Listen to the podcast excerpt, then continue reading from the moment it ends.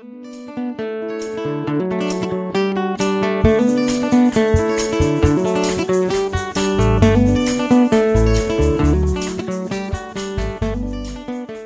upptäcka att man har en vattenskada hemma är inte roligt för att uttrycka sig milt. Och I det här avsnittet av Försäkringspodden så ska vi prata om vilka försäkringar som kan hjälpa dig med kostnaderna när en skada har uppstått.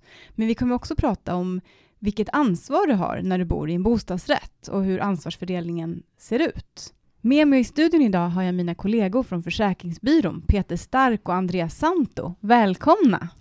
Tack så mycket. Tack så mycket. Ni är både jurister och specialister på boendeförsäkringar. Ja, ja det stämmer. Ja, härligt att ni är här. Ni är rätt personer att svara på de här frågorna som vi ska gå igenom idag. Men till att börja med då. Peter, hur ser ansvarsfördelningen i stort ut mellan föreningen och bostadsrättsinnehavare? Jag vet att det är en väldigt stor fråga, men kan du med några få ord ändå ge en bra bild av det? Mm, mm. Ja, principen är att uh, bor du i en bostadsrätt så har uh, föreningen ansvaret för tak, ytterväggar, uh, grunden i hela fastigheten, alla rörstammar, gemensamma rör, förråd och sådana saker. Medan du själv har ansvaret för din egen lägenhet, din egen bostad. Och det inbegriper då väggar och golv och innertak, badrumsinredning, köksinredningen. I princip allt du ser i din egen lägenhet. Mm. Mm. Och vi ska återkomma det här med, till det här med ansvarsfördelningen, men det är inte alltid helt enkelt att eh, att eh, utreda det eller klargöra det. Men till att börja med, Andrea, vilken typ av försäkring bör man ha när man har en bostadsrätt? Eh, ja, då bör man ju ha en hemförsäkring och en bostadsrättsförsäkring. Och den här bostadsrättsförsäkringen ligger, det är ett tillägg som man tecknar till sin hemförsäkring. Men sen finns också ett alternativ och det är ju många föreningar där Alltså själva föreningen tecknar en sån här så kallad kollektiv bostadsrättsförsäkring och då omfattas alla medlemmar i föreningen av den. Så då finns ju alternativet i och för sig att ändå ha en egen bostadsrättsförsäkring som man tecknat själv, men man kan också då bara omfattas av den som föreningen har tecknat för medlemmarna. Och, och det känns som att det blir allt vanligare med kollektiva, stämmer det? Ja, det tycker vi väl att vi hör i vår vägledning från konsumenter som kontaktar oss. Det är fler och fler frågor om den typen av försäkring. Mm, det stämmer. Om vi då ska komma till den här svåra frågan om vattenskada, för att vi får ju frågor om vattenskada i bostadsrätt varje dag egentligen i vägledningen, flera gånger om dagen, upplever ja. jag det som. Eh, och vad är det då, vad ger försäkringen för skydd vid en vattenskada? Det är ju den vanligaste skadetypen kan man ju lugnt säga i bostadsrätter. Eh, då, då, får man tänka, man får dela in eh, vattenskador i två olika typer av skador. Det är dels vattenledningsskador under tryck, alltså till vatten, till kranar och dusch och, och så, varmt och kallt vatten som kommer under högt tryck för skador på sådana ledningar, även in, in i uh, bostaden, i mm. lägenheten, mm. har, har föreningen ett utökat ansvar. Så att uh, blir det läckage på en sån uh, ledning, då, då blir det ofta så att föreningen måste betala upp till egentligen normal standard i fastigheten för alla skador. Och du kan då slippa också åldersavdrag faktiskt. Och självrisk, egen självrisk. Medan då den, den, andra vanligare typen av, av skador, det, det, är ju läckage i rör som i avloppsrör utan tryck då eller i, i elementrör, eh, värmerör eh, och, och sådana skador eller i golvbrunnen eller i tätskiktet i badrummet. Och, eh, där hjälper inte föreningen till utan där måste du ha din egen försäkring Bostadsrättstillägget. Bostadsrättstillägget som då kan vara kollektivt eller individuellt. Som vi sa. Ja. Och, men där får du ju räkna med att du måste, du måste alltid betala din egen självrisk. Den är ganska låg eh, som regel, men, eh, men även åldersavdrag och, och som kan dra iväg lite beroende på hur gamla dina ytskikt är. Ja, man, mm. man, står sällan helt fri från att betala någonting när man har råkat ut för en skada. Mm, Försäkringsskada överlag. Det är alltid nej. åldersavdrag som kommer in och självrisker. Ja. Men då är det viktigt att man kan se här skillnaden på sk- vattenledningsskador och andra vattenskador. Det är inte helt enkelt alltid att göra det. Nej, det är det inte. Men det är Mm. viktigt för att förstå vilken Mm. försäkring det är som ska gå in, eller vem i alla fall som har ansvaret. Och om man då upptäcker en vattenskada i sin bostadsrätt, hur gör man då? Vem är det som ansvarar för att utreda skadan? Det är en ganska vanlig fråga också tycker jag. Mm, nej men det stämmer, det får vi mycket frågor om också. Och där är det ju som huvudregeln är så är det ju föreningen som har ansvaret för den här inledande skadeutredningen. Eh, och då skickar ju föreningen ut då en besiktningsman. Men det finns ju ändå i vissa fall, då kanske föreningen tycker att eh, den här skadan verkar vara avgränsad på det sättet att inga, inga av de här delarna som Peter då nämnde, som föreningarna har ansvaret för, att de inte verkar berörda på något sätt i skadan. Och då i de situationerna, då brukar föreningen faktiskt inte då skicka ut en besiktningsman, eh, utan eh, då läggs ansvaret över då på den enskilde bostadsrättsinnehavaren och det, är då, det man då ska göra är att kontakta sitt bostadsrättsförsäkringsbolag och be att eh, det här bolaget då tar dit en besiktningsman, eller skickar ut en besiktningsman som utreder skadan. Eh, och det brukar ju också, det brukar ju normalt ske, men där ser vi också i vissa fall att när bostadsrättsförsäkringsbolaget tycker att ja, den här skadan verkar inte omfatta försäkringen, till exempel det är en upptäckt fuktskada, men det finns inga tecken på något rörläckage. Eh, och det måste ju vara liksom en skadehändelse som försäkringen täcker för, Mm. att, eh, för, för att man ska kunna få ersättning och hjälp. Och i de situationerna, det är inte jättevanligt, men det förekommer ändå, eh, då kan försäkringsbolaget säga att eh, du själv då som bostadsrättsinnehavare måste sköta om den här inledande utredningen. Mm. Och sen då, om man har tagit fram bevis på att det faktiskt är en skada som försäkringen täcker, då får man också hjälp med att få bekostat de utredningskostnader som man har haft för att ta dit en besiktningsman. Ja, i efterhand. Ja, precis. Då kan man få ersättning för det i efterhand. Bostadsrättsinnehavaren måste bevisa att det finns en försäkringsskada. Eh, ja, precis. Och det ansvaret ligger ju alltid på den som begär ersättning. Eh, men just i försäkringsfall så är ju beviskravet ganska lågt Mm. ställt. Men Mm. det är alltid upp till den som påstår att det är ett försäkringsfall och bevisa att det är på det sättet. Det är ju ofta lätt att visa. Eh, om det är en liksom, på synlig vattenskada, då brukar ju inte det vara några problem. Nej.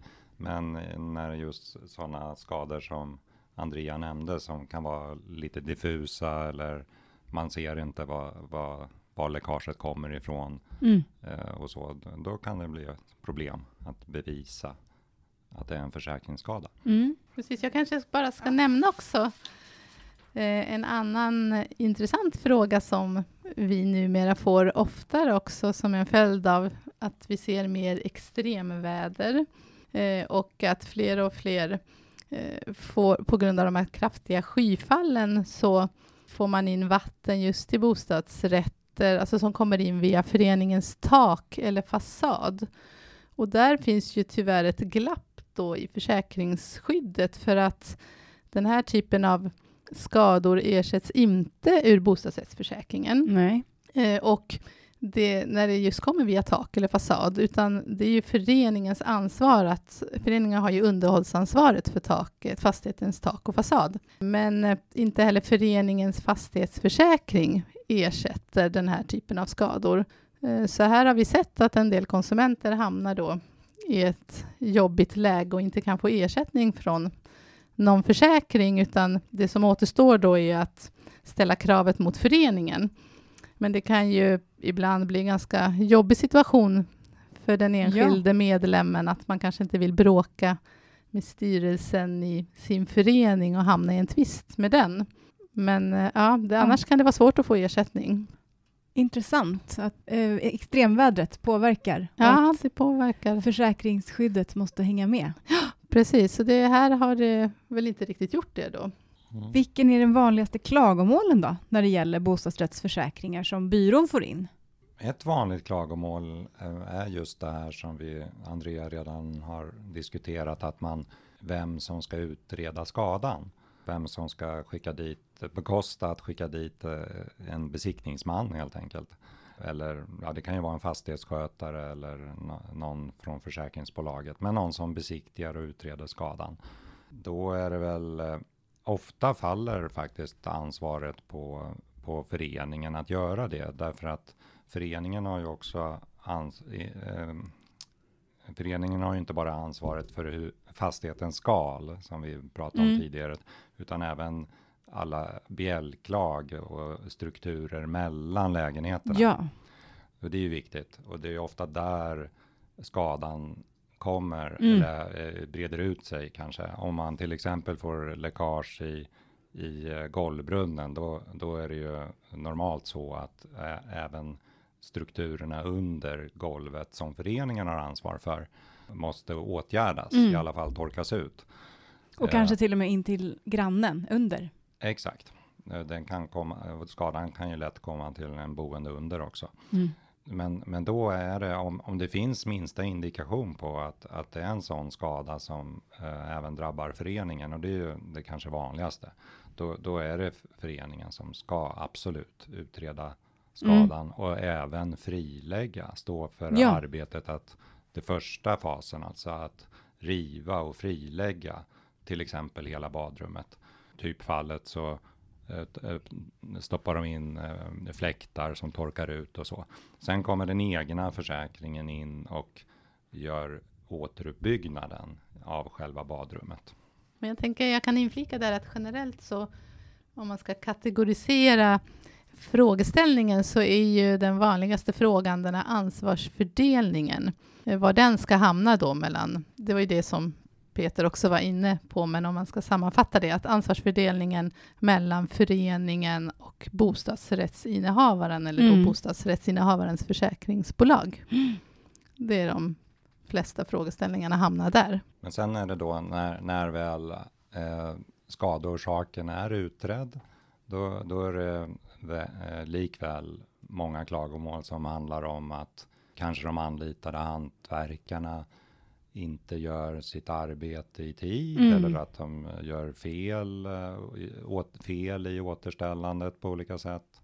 Äh, föreningen äh, ja, anlitar kanske fel hantverkare eller att bostads eller att de inte kommunicerar med den egna försäkringen eller vice versa. Och vanligast är väl kanske att konsumenten inte har informationsunderskott, ja. kan man väl säga. Och, och liksom inte är med i kommunikationen tillräckligt bra för att förstå vad som händer och vad, vad, när konsumenten behöver ta ställning till någonting. Till exempel vilket material som ska återställas med på olika sätt. Det där med att det tar tid, det ju, kan man ju nästan generellt säga att mm. vattenskador verkar ju ta mycket mer tid än vad man först har tänkt sig det är ju många konsumenter som hör av sig och tycker att hur lång tid ska det här egentligen ta? Nu har det pågått i flera månader. Hur länge ska jag kanske inte kunna bo i min bostadsrätt? Mm, ja, men det stämmer. Då har man ju möjlighet, och det finns ju i hemförsäkringen, att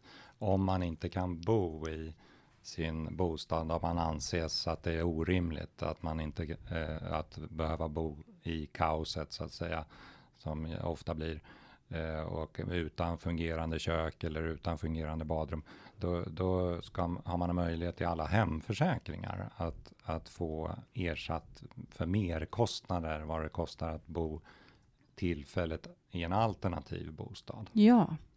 Så det är bra att veta. Men då är det upp, alltså till, inte... upp till viss tid som varierar. Det kan vara upp till ett år eller upp till två år beroende på vilket försäkringsbolag du har. Där är det viktigt att framhålla försäkring, hemförsäkringen ersätter ju inte avgiften till bostadsrättsföreningen, vilket många tror, Nej. utan då Nej. är det ju för merkostnaderna om man måste bo någon annanstans. Exakt. Alltså, om man på får hotell eller hy, bostads, hyreskostnader, mm. så att säga, då kan man få ersättning ja. för dem. Men där får vi faktiskt ganska mycket klagomål från konsumenter, för bolagen är ju ganska stränga med att betala ut den där ersättningen och det ska ju ofta väldigt mycket till för att man ska kunna få ersättning. Så det är inte alltid det räcker med att köket inte fungerar eller ibland inte heller att badrummet inte går att använda. Mm. Men eh, det absolut, vi brukar ju uppmana de som ringer och kontaktar oss och klagar på det här att man ska i alla fall begära, man ska anmäla och begära att få ersättning Mm. om man tycker att man inte kan bo kvar. Och Det är se. viktigt att man gör det, att man, möjligheten finns i alla fall, Mm. att man vet det. Men då har vi kommit fram till veckans fråga. Min förening har ett kollektivt bostadsrättstillägg, det som ni har nämnt några gånger nu här. Bör jag ändå teckna en individuell försäkring för att få ett fullgott skydd? Eller räcker det med den här kollektiva bostadsrättstillägget? Eh, ja, det finns ju vissa nackdelar med en kollektiv försäkring, men det finns ju fördelar också. Men en sån nackdel som vi blir varse om lite då och då från, hör från konsumenter, det är ju eh, det här med att när man har en kollektiv försäkring, så alltså för bostadsrättsinnehavaren är ju faktiskt inte part eller avtalspart, det är ju inte försäkringstagare i det avtalet.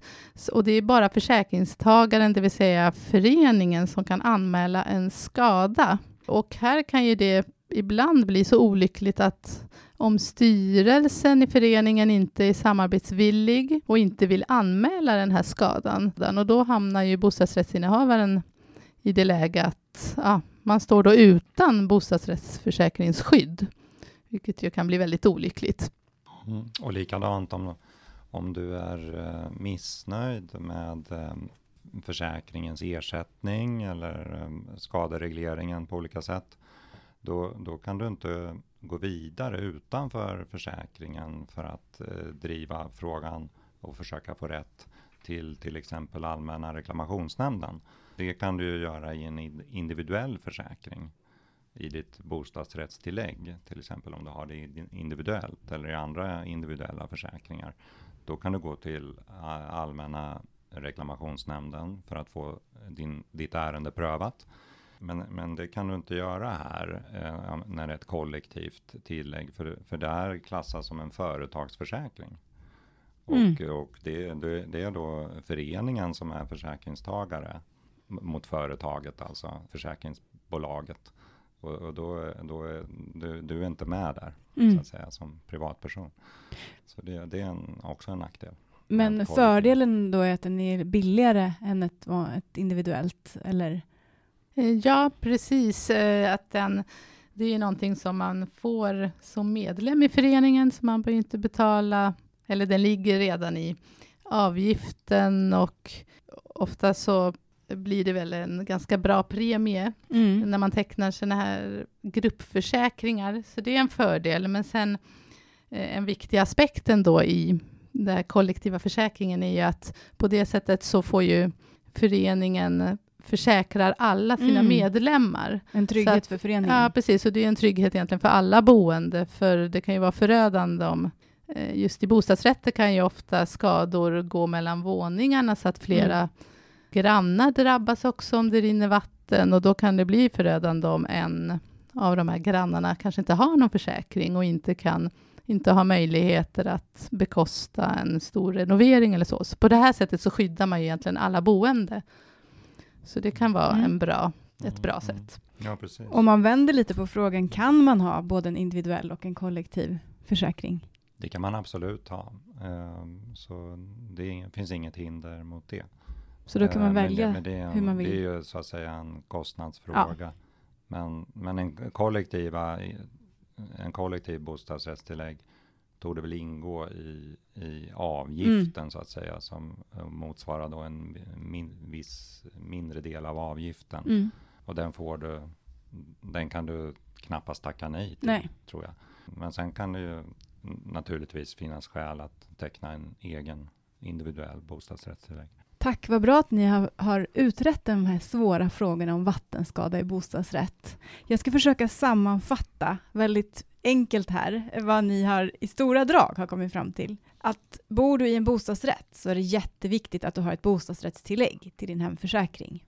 Och föreningen ansvarar för fastigheten utanför lägenheten och mellan lägenheterna, men bostadsrättsinnehavaren ansvarar för ytskikten i lägenheten. Föreningen har normalt huvudansvaret för den inledande utredningen när en vattenskada har inträffat och brukar då skicka ut en besiktningsman.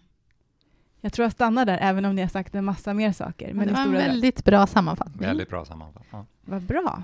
Det var allt för den här veckan. Gå gärna in på vår webbplats konsumenternas.se. Där kan du hitta svar på de flesta frågor du kan ha om försäkring. Och du får jättegärna ringa till oss i vår vägledning eller mejla till oss och kontaktuppgifter hittar du på vår webbplats.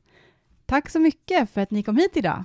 Tack så mycket att vi fick komma. Ja, stort tack.